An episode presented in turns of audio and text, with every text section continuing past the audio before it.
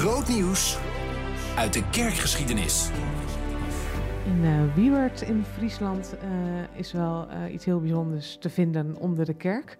Namelijk een stel mummies. Dat nou ja, zie je ook niet elke dag.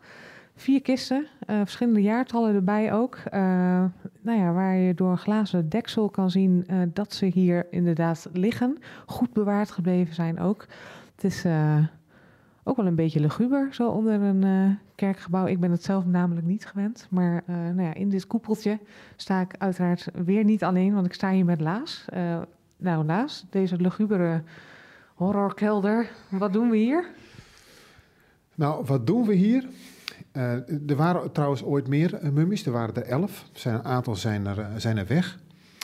En, en uh, eigenlijk hoopte men dat hier, dat een van die mummies een hele bekende vrouw zou zijn.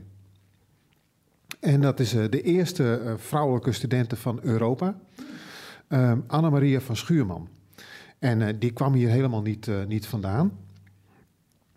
Maar die heeft, de laatste jaren van haar leven verbleef ze hier wel in de omgeving van, van Wiewert omdat ze zich bij een bijzondere groep had aangesloten die bekend staat onder de naam de Labadisten. En die Labadisten die, die ontlenen hun naam van een, van een Fransman, Jean de Labadie.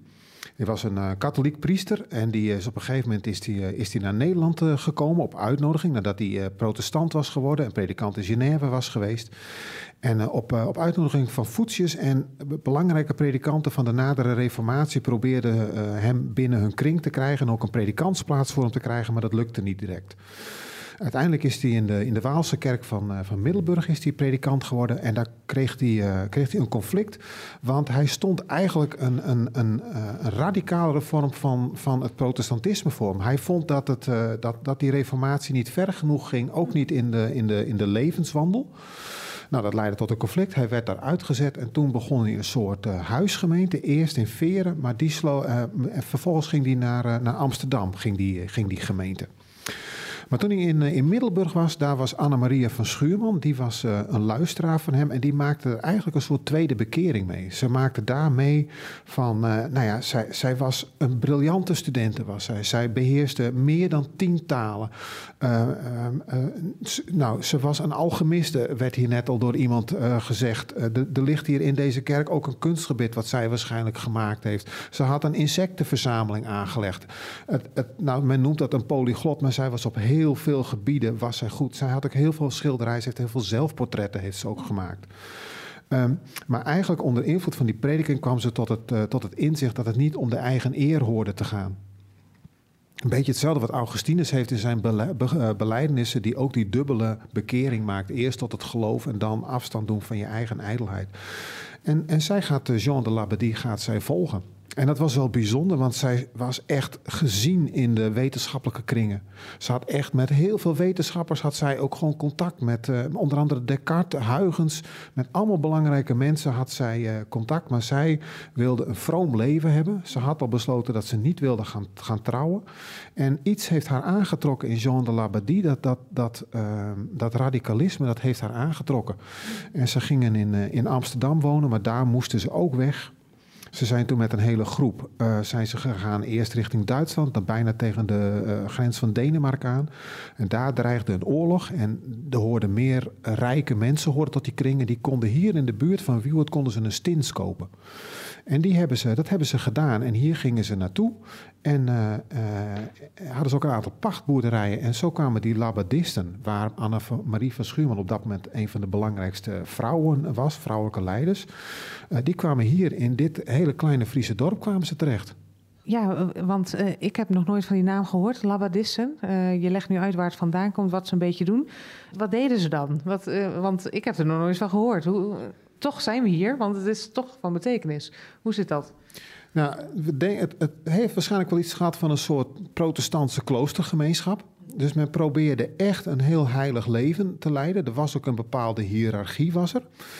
Ehm, wat, wat ook opviel, uh, ook, uh, zij wezen de kinderdoop af, um, maar ook uh, de zondagsviering. Ze hadden niet echt een zondag, want elke dag was natuurlijk een dag waarop je het geloof vorm moest geven. Dus ze hadden ook niet een hele duidelijke, elke dag was hetzelfde, dus geen, geen aparte zondag. Ja. Dus je ziet wel dat zij op een aparte manier vorm gaven aan dat geloof, een bepaalde radicaliteit die daarin zit.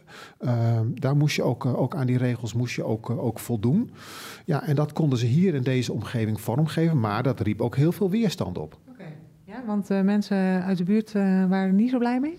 Nou, de gereformeerde uh, predikanten hebben echt wel geprobeerd om hen hier ook weg te krijgen. Alleen, um, ja, er zaten bij die groep, zeker in het begin, ook een aantal mensen van adel bij. En die hadden hier ook contact. En die, zorgden, die konden er ook voor zorgen dat ze hier konden, konden blijven. Oh ja, dus dat gaf ook bescherming, uh, juist die rijke mensen? Ja, ze hebben gebruik gemaakt van hun contacten om, om hier ook te kunnen, kunnen blijven. En dat ging aanvankelijk floreerde dat ook heel erg. Men dat hier op een gegeven moment uh, tussen de 300 en 400 labadisten waren. Flinke club. Dat, ja, dus zij hadden, dus, zeker in de beginperiode, zij, zij hadden een aantrekkingskracht op mensen. Ja, ja. Had het ook iets van een secte? Daar moet, daar moet ik ineens aan denken. Nou, het lijkt er sterk op dat het zich steeds meer sectarisch is gaan ontwikkelen. Um, als je latere berichten leest over hoe, hoe leiders omgingen met, uh, met, met de mensen onder hen en ook de omstandigheden waaronder die moesten leven. Uh, dan krijg je wel de indruk dat het eigenlijk steeds meer richting het sectarische is, uh, is gegaan. Uh, nadat de stins hier op een gegeven moment is verkocht, verdween eigenlijk die, die hele groep verdween hier ook. Vermoedelijk hebben ze zich wel, wel, wel verspreid naar allerlei andere plekken. Ehm, ze vielen trouwens nog op een ander punt op, dat ben ik nog vergeten te zeggen, want dat was ook wel heel belangrijk. Um, ze hadden alles gemeenschappelijk. Het was een soort vorm van communisme. Uh, dus dat is ook nog wel belangrijk om, om aan te geven waarom zij anders waren dan, uh, en, en opvielen ten opzichte van andere gelovigen. Ja, ja dus uh, ook weinig bezit dus. Nee, het bezit dat, dat werd verkocht. Dat geld kwam ook aan de gemeenschap toe. En als ze iets hadden waarvan ze wat iemand meebracht wat ze nog konden gebruiken, dan, dan, dan hielden ze dat. Maar dat was in eerste instantie hun bron van inkomsten ook. Dus daar sloten mensen zich bij aan. Hun goederen werden verkocht en dat geld werd gebruikt door de, door de gemeenschap. Hmm. Nu staan wij hier in dit uh, kleine keldertje naar uh, nou, vier lichamen te kijken eigenlijk. Uh, heeft toch iets geks. maar ik ben dan ook benieuwd, hè? je hebt nu het verhaal verteld. ja, hè? waar ik toch eigenlijk elke keer mee eindig. Kunnen we daar nog iets mee vandaag? Nou, het meeste wat mij opviel toen ik, toen ik aan het, uh, wat in het leven van Annemaria van Schuurman aan het duiken was, was uh, op het moment dat zij die overstap maakte, de bewuste overstap naar die kring rondom Labadie, hoe haar vroegere vrienden tegen haar, op haar afgaven. Er werden echt smaadschriften geschreven. nou, er werd op een niet leuke manier over haar geschreven. ze werd gepakt op haar vrouwelijkheid, op het feit dat ze, dat ze niet getrouwd was. Um, het doet heel erg denken aan tegenwoordig dat als jij ergens iets doet wat mensen niet zint, dat je dan wordt gecanceld. Nou, je zou kunnen zeggen dat in die tijd werd uh, Anna-Maria Verschuurman door, door veel van haar vroegere vrienden werd ze gecanceld. Ja, omdat ze juist die connecties had van alles wat ze kon en deed. Ja, en dat is omdat iemand uh, uh, een bepaalde keuze maakt die wij misschien in eerste instantie vreemd vinden. En in plaats van dan goed te gaan vragen aan iemand van waarom doet iemand dat? Of echte interesse in iemand te vertonen. Ja, is het soms makkelijker om heel snel een oordeel en een veroordeling te hebben. En, en misschien als je kijkt naar, naar uh, dat leven van Annemaria Schuurman, is dat iets wat je voor vandaag de dag, zeker ook als christen, mee mag nemen om heel voorzichtig te zijn om te snel een oordeel te vellen over iemand. Nou, ik ben ook benieuwd, uh, we worden al deze tijd aangekeken door een meneer met uh, een gat in zijn kaak wat hij hiervan zou denken als, uh, als hij dit gehoord had.